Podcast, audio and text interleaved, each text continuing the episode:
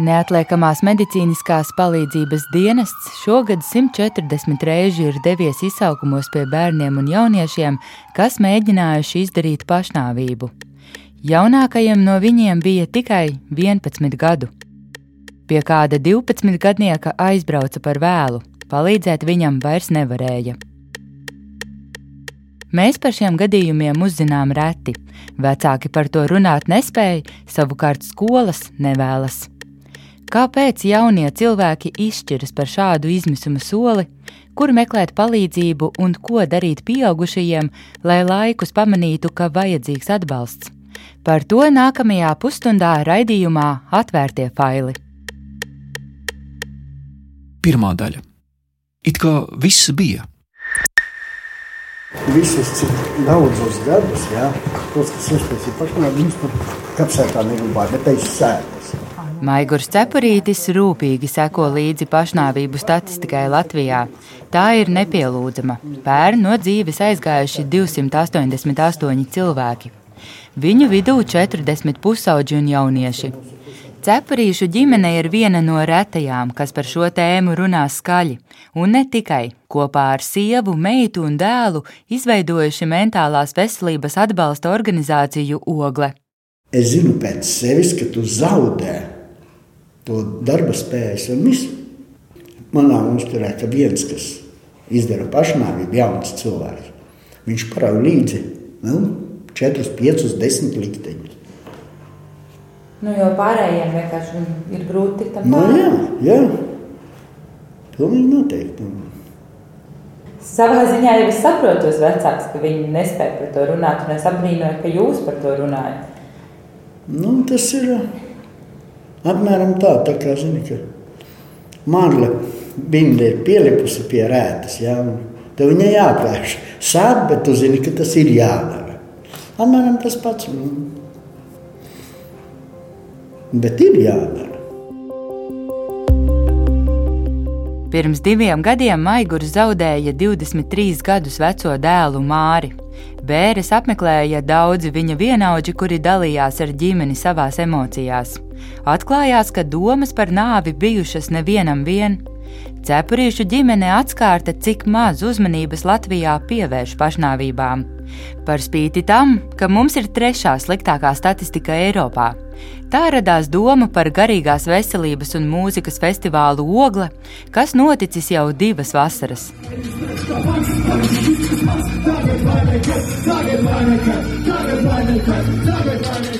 Pievērst līdzcilvēku uzmanību problēmai.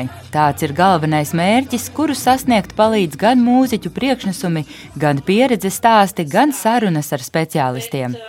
Lai mēs kaut ko varētu darīt un labot un mēģināt palīdzēt, tad to var darīt tikai runājot. Vienu no diskusijām atklāja Maigura sieva Irēna, kura šobrīd ar pārējo ģimeni dzīvo Norvēģijā. Viņam viss bija. Viņš no dzimšanas, var teikt, skolā bija tāds, tas hiperaktīvais. Jā, kā es smējos, ja no 20 bērniem viens iekrita tā, kā tad tas bija viņš. Viņš Norvēģijā strādāja. Viņš internetā atrada sev taisnību meiteni. Viņš varēja atļauties aizbraukt tur mēnesi, padzīvot, pēc tam nokārtot visus papīrus. Viņa atbrauca pie viņa, te trīs mēnešus nodzīvoja. Un, nu, it kā viss bija. Maigurs šausta sevi, vai un kāda ir viņa atbildība par to, ka dēlam dzīve kļuva nepanesama.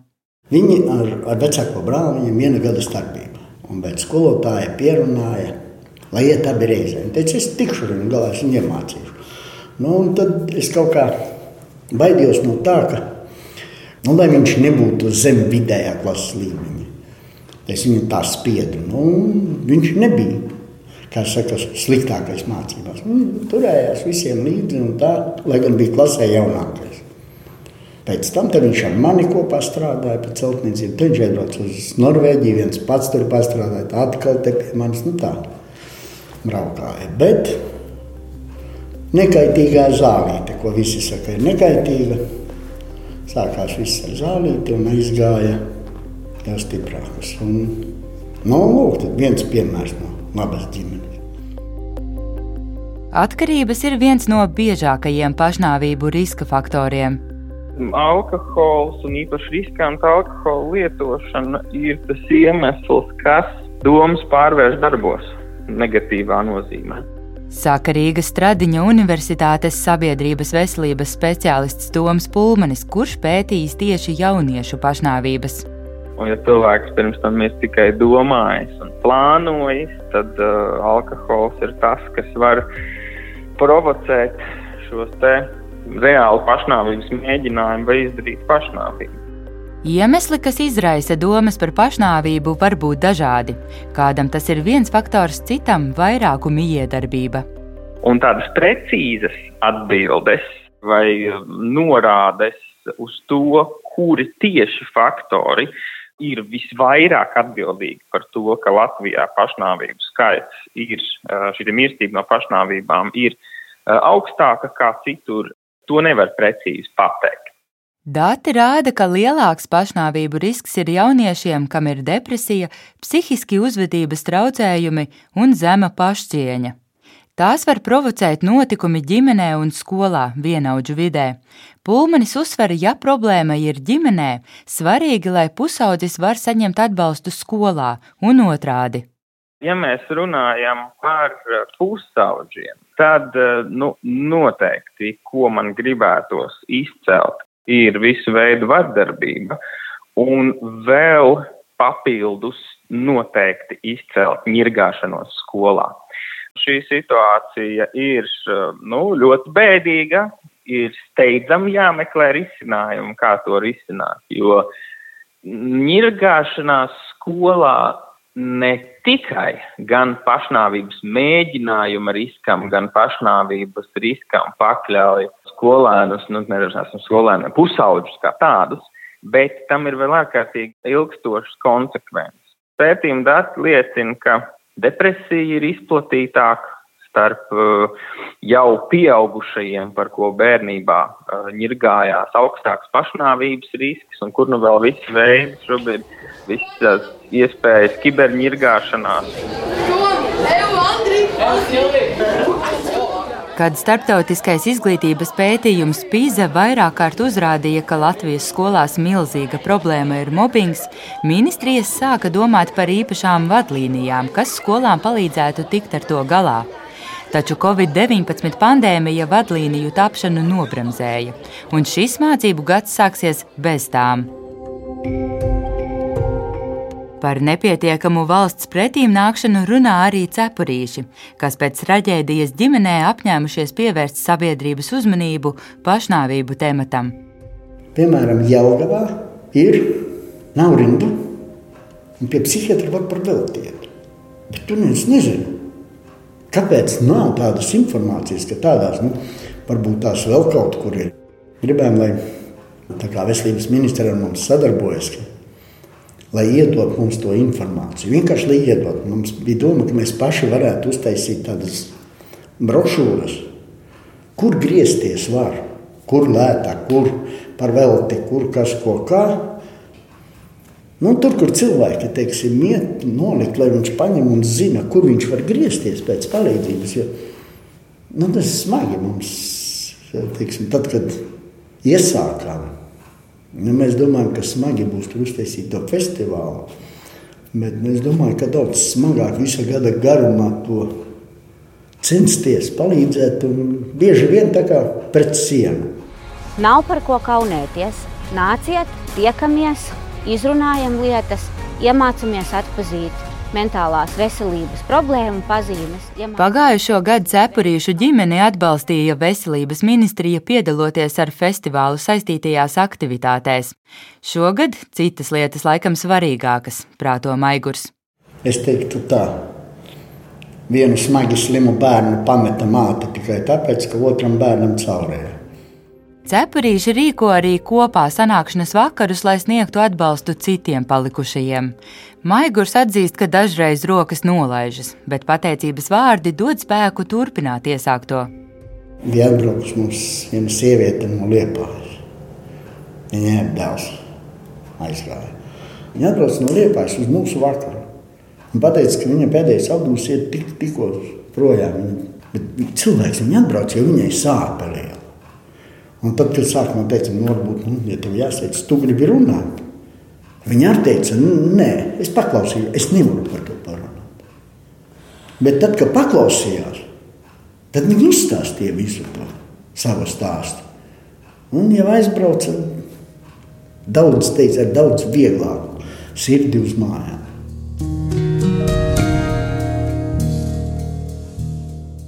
Pērn oktobrī Veselības ministrija kopā ar Bērnu slimnīcas fondu un pusauģu resursu centru gan sāka piedāvāt jaunu valsts apmaksātu pakalpojumu. Depresijas un pašnāvības risku mazināšanas programmā līdz šim uzņemti ap 40 jauniešu. Viena no viņām Anete, kuras vārdu esam mainījuši. Jā, lai viņi zinātu ka viņi nav vienīgie tādi, ka viņi nav vienīgie ar tādām problēmām, kad ir citi, kuri spēj doties pēc tās palīdzības un pieņemt to roku, ko tev dod grūtā momentā. Anete apmeklē centra šobrīd vienīgo filiāli ārpus Rīgas liepājā. Problēmas ģimenē ir iemesls tam, kādēļ Anete savos 15 gados jau tikusies ar vairākiem speciālistiem, arī no sociālā dienesta un pašvaldības policijas. Bijis laiks, kad palīdzību atgrūdusi. Šajā vecumā pusauģi ir ļoti ļauni un nesaprot to, ka, ka citam varbūt ir grūti un ka par to nav jāsmējās, ka tas nav nekāds noziegums. Par to tiešām, manuprāt, ir ļoti daudz un ļoti skaļi jārunā tā, lai visi to sadzird un, un, un vērš pēc tās palīdzības. Jo daudz pusauģi arī šo nemeklē nekur to palīdzību un ir tādā ziņā nepareizā draugu kompānijā, kas pamudina uz uh, dzeršanu, pīpēšanu vai kādu veidu narkotikām. Un uh, daudziem pusauģiem ir tā, ka viņi pamēģina, viņi tajā konkrētajā stāvoklī liekas, ka viss ir kārtībā, ka tās problēmas neeksistē. Līdz ar to viņiem, viņi visu laiku to lieto un viņiem liekas, ka tas viņiem palīdz, bet tā galīgi nav. Svarīgi, lai palīdzība būtu bez maksas. Pirmkārt, ne visas ģimenes var atļauties speciālista apmeklējumu, otrkārt, vīpsnāt var ne tikai vienaudži, bet arī vecāki ļoti daudziem vecākiem arī ir tāds, kas tu tev ir. Es neesmu gājusi pusauģu gadiem cauri, tev taču tādu nevajag priekš kam tev to. Ja es tam tiku cauri, tad tu arī tiksi cauri bez nekādas palīdzības. Bet daudz vecāku nesaprot to, ka ar visu internetu, visu, kas šobrīd notiek mūsdienās, kad uh, tas ir daudz savādāk un daudz sarežģītāk nekā tas ir bijis vecāku laikā, kad nebija tie visi sociālie tīkli, kur cilvēki smējās par to, kā šobrīd ir ļoti daudz ļaunu cilvēku, kas var smieties par to, ka tev ir šķīvi zobi, vai tev nav tik skaista seja, vai tev ir daudz pumpas, vai arī tev ir kāds liekais svars, un tu neesi tā tievā modele, ko daudz internetā redz. Līdz ar to arī daudziem čaļiem tie standarti ir uzgājuši tādi, ka ir jābūt tev bez maz vai modelē, līdz ar to daudzām meitenēm tas arī ļoti sāp, tāpēc, ka viņām liekas, to, ka mēs neesam perfekti, mēs neesam skaisti, mēs esam ļoti neglīti, neviens mūs negrib, mēs esam vienkārši pilnīgi nevajadzīgs šajā pasaulē. Pusauģu resursu centra programmu virsvadītājs Emīls Udris pārliecināts, palīdzība būtu nepieciešama daudz vairāk jauniešiem. Taču Latvijā pat īsti nav apzināts, cik pusauģiem varētu būt depresijas pazīmes. Latvijā mums ir standartizēta aptauja pieaugušiem, bet bērniem un jauniešiem mums nav.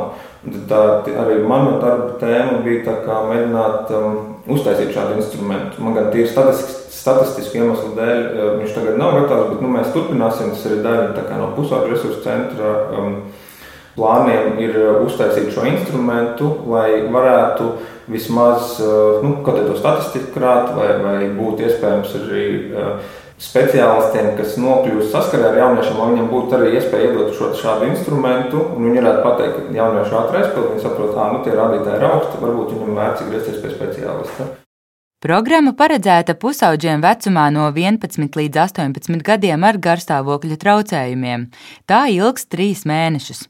Psihologs norāda, ka dažiem ar to pietiek, bet bieži ar speciālistu palīdzību tiek sastādīts tālākais rīcības plāns. Daudzi jaunieši piesakās paši. Diemžēl uz pakalpojumu jau izveidojusies rinda. Tā pieejamība arī mūsu pakalpojumam, lai kā mēs gribētu, viņa tomēr paliek ierobežota. Jo nu, viņiem jāsāk stāvēt rindā. Nav vairs tā, ka viņiem tā grūtība ir un, un, un ka viņi var atnākt un uzreiz saņemt to pakalpojumu, bet viņiem ir jāstāv rindā. Un arī šobrīd stāv rindā bērni, kas netiek tā kā. Jā, tieši tā. Nu, tagad tā rinda ir aptuveni 3-4 mēneši garš. Veselības ministrijā raidījumam atvērtie faili stāstīja, ka meklē papildu naudu, lai rindā stāvošie jaunieši šogad saņemtu palīdzību. Un cer uz lielāku finansējumu nākamgad, lai centra reģionālās filiāles varētu atvērt arī Daugopilī un Valmierā. Otrā daļa - rindas, skolu reitingi un vecāku gaidas.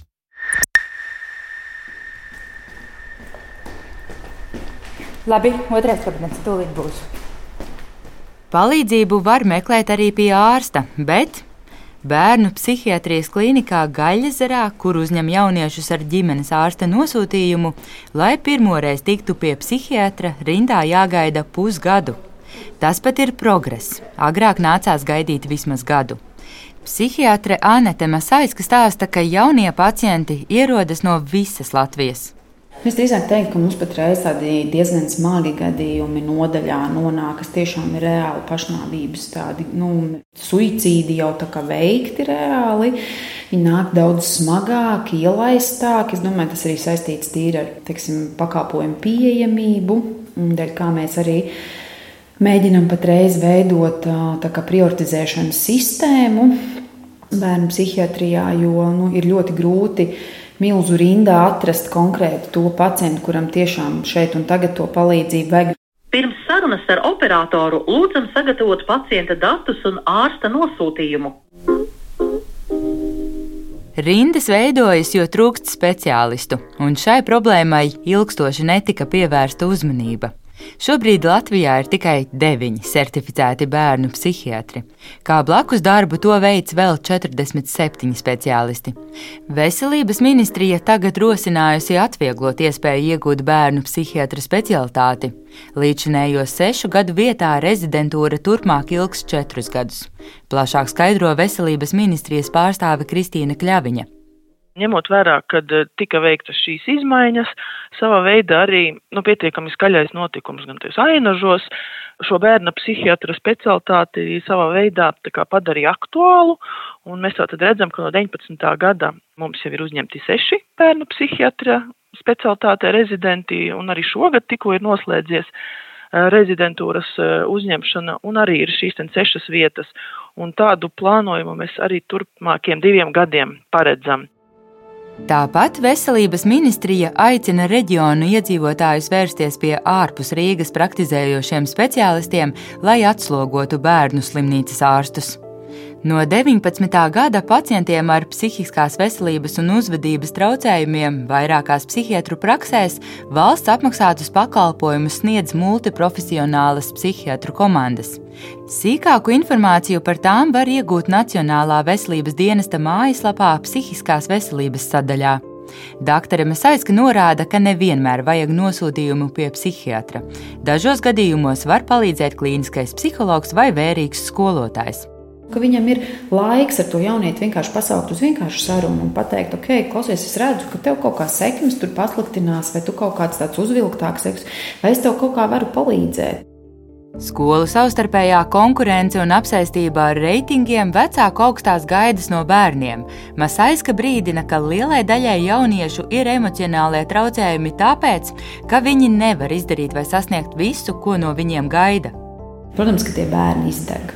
Un tad jau, protams, ir viens ir tās skolas gaidas, un otrs arī ir, um, ir vecāku gaidas, kur um, nu, standartā, ko vecāki grib, lai bērns dejo, dzied, uh, vēl kaut kādas svešvalodas mācās, plus vēl kaut kāda informātika papildus. Taču ir jābūt tādām vispusīgām zināšanām.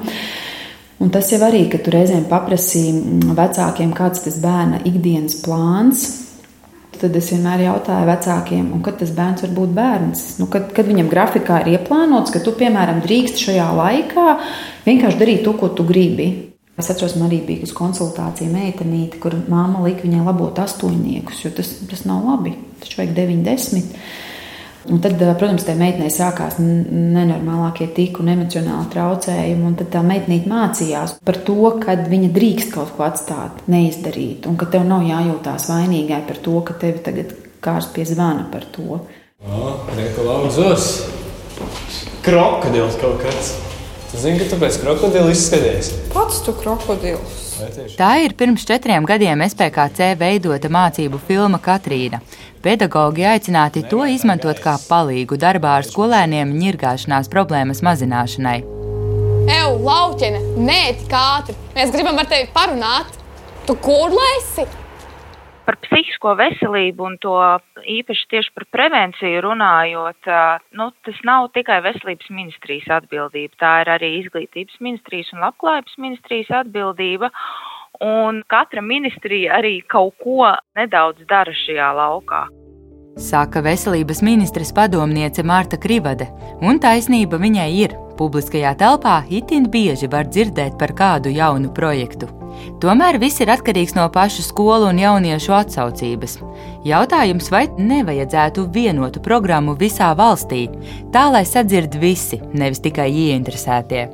Es tagad negribu minēt konkrētas iespējas, jo tas ir jāizpēta, bet manuprāt, tas būtu jāsaista kopā vai nu no ar uh, pašvaldības vai ar skolas akreditācijas jautājumiem arī.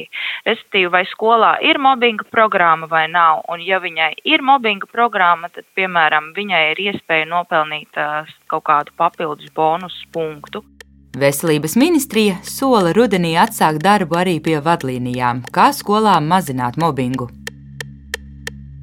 Trešā daļa - traģēdija skolā.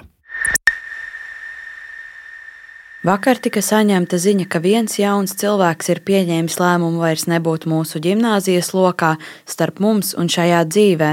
Dziļa līdzjūtība ģimenei un tuviniekiem. Šis fakts ir dziļi skumjš un nevienam citam pa spēkam tā līdz patiesai būtībai un pamatam neizskaidrojams. Šādu vēstuli no psiholoģijas Zanes Gulbes pagājušajā ziemā saņēma Rīgas valsts trešās gimnāzijas 7. un 12. klašu skolēni, vecāki un skolas personāls. Šīs sarunas notika, un tās bija, bija, nebija vienkāršas sarunas. Ziniet, ļoti smagas sarunas. Parasti skolas par traģēdiju publiski nerunā, taču direktors Andris Priekulis piekrita pastāstīt, kā viņi krīzē rīkojās. Direktors augstu vērtē skolas psiholoģijas Zanes Gulbes darbu. Viņa ir arī Rīgas domas izglītības atbalsta nodaļas krīzes intervences psiholoģe un strādā komandā, kas parasti dodas uz skolām, ja noticis suicīds vai tā mēģinājums. Vēstulē psiholoģija aicināja visus, kuri vēlas parunāt, vērsties pie viņas vai jebkura cita gimnāzijas cilvēka. Arī pievienoja vairāku atbalsta iestāžu kontaktus taču vispirms bija tikšanās ar aizgājušā klases biedriem. Ar pašu klasi notika saruna, un tad es konkrēti un klases audinātājas runāju ar klasi par pārdomām, par emocijām, par, nu, tad, respektīvi, lai aicinātu šos jauniešus izventilēt savas emocijas, un tālāk tad arī lemtu, kāds viņiem atbalsts vēl ir papildus nepieciešams. Runāja ar paralēlu klašu audzinātājiem, aicinot vērot atmosfēru klasē. Ja rodas vajadzība sarunas turpināt, psiholoģijas kabineta durvis būs atvērtas. Nav nekur tāda svaru kausa, cik daudz ir jārunā un cik plaši ir jārunā. Jo bija arī šeit viedoklis daž, no dažiem izglītojumiem, ka, kāpēc ir tik maza informācija, kāpēc par to netiek runāts. Un tad, bet savukārt tas nebija visu viedoklis. Un tad, protams, ka es tālāk runāju ar, ar pārējo atbalstu personālu, ar administrāciju, ar direktoru vai mēs atkal aktualizējam, vai mēs turpinām runāt, vai es runāju ar konkrētiem individiem, tad mēs arī pieņēmām lēmumu, ka tad es runāju tikai ar tiem skolēniem, kuriem tas ir aktuāli, kuri neizrāda to iniciatīvu, ka viņiem ir nepieciešams runāt par šo vai līdzīgiem gadījumiem, un tad arī šie cilvēki netika tramdīti. Gan psiholoģija, gan direktors stāsta, ka jaunietim bijušas emocionālās veselības problēmas, par kurām skolā zinājuši centušies viņu atbalstīt, taču uz savu žetonu vakaru viņš vairs neatnāca. Vecāki sarunai ar Latvijas radio nebija gatavi. Zane Gulba stāsta, ka izglītības iestādēs Rīgā ir noteikta kārtība, kā skolas rīkojas šādos gadījumos. Administrācija sasauc atbalsta personālu, noskaidro situācijā iesaistītos, pārunā rīcības plānu un lem par to, vai iesaistīt pašvaldības krīzes intervences komandu. Vai ja skola tiek pati galā, tad tiek pati galā, ja nē, tad piesaista krīzes komandu un tiek galā. Ja nu ir tā, ka ir nepieciešami vēl papildus resursi, tad, protams, ka iesaista vēl arī papildus resursi, tātad krīžu un atbalsta centrus. Krīžu un konsultāciju centra skalbes psihoterapeite Tatjana Goluba uzskata, ka Latvijā kopumā tomēr nav pietiekami nostiprināta sistēma, kas palīdzētu darboties profilaktiski un pašnāvību gadījumos. Lietuvā pašnāvību rādītāji ir vēl augstāki nekā pie mums, tāpēc kaimiņos jau pirms vairākiem gadiem radīta īpaša programma skolām. Katra skolā varētu veidot savu programmu, jo katrā skolā varētu būt kaut kādi atšķirīgi faktori un vide. Bet kā, ņemt par pamatu var šo programmu. Galvenais tajā ir, ka mm, notiek izglītojošais darbs ar skolotājiem, pedagogiem, skolēniem un vecākiem par to, kā atzīt eh, pašnāvības riskus, ko darīt, eh, ja jūs redzat, ka cilvēkam ir slikti un uh, varbūt kā risināt vispār sarežģītas dzīves situācijas, jo nereti skolniekiem nu, trūkst tādas prasmes. Tāpat jābūt plānam, ko darīt, ja tomēr nelaime notiek. Goluba atzīst, ka skolas nevienmēr zina, kā rīkoties un mēdz izvairīties no sarežģītām situācijām. Par suicīdu nevajag runāt detalizēti un ar jebkuru, bet ir svarīgi nodrošināt, ka tiem, kas vēlas, ir iespēja izrunāties par notikušo. Diemžēl sabiedrība pastāv vairāki stereotipi par pašnāvībām. Un viens no tiem ir saistīts ar to, ka, ja es runāšu par to tēmu, tad tas var provocēt tālāk uh, to pašnāvību. Bet tas ir mīts, uh, un jāsaprot, ka jo vairāk mēs par to runāsim, jo vairāk ir iespējas, ka mēs palīdzēsim cilvēkiem apzināties savas sāpes un konstruktīvāk tikt ar tām galā. Arī apkārtējiem var būt liela loma problēmas pamanīšanā. Psihoterapeite uzskata, ka būtu vērtīgi ar klasēm pēc kāda laika runāt atkārtoti, lai zināšanas nostiprinās. Pusauģi nereti slēpj no pieaugušiem šīs lietas, un viņi uzticās vairāk vienaudžiem. Tāpēc pat tādā gadīgā, uzmanīgā ģimene reizēm var nepamanīt kaut kādas lietas saulaicīgi. Bet nu, mēs aicinām skatīties ļoti uzmanīgi un vērot, piemēram, vai cilvēkam ir domas par pašnāvību. Varbūt viņš ir dālies ne tikai par pašnāvību, bet par to, ka viņš jūtās lieks, jūtas nesaprasts vai jūtās kā nasta. Nu, varbūt viņš tā kā nu, runāja par kaut kādu emocionālu diskomfortu. Tatjana Goluba vēlētos, lai Latvijā būtu vairāk iespēju, kur ātri un bez maksas saņemt palīdzību. Un atgādina, ka krīzes centrā skalbes, psihologa vai psihoterapeita konsultācija iespējama arī telefoniski, un visu diennakti darbojas krīzes tālrunis. Raidījumu veidoja Baiva Runce, Anita Brauna un Reinis Budze.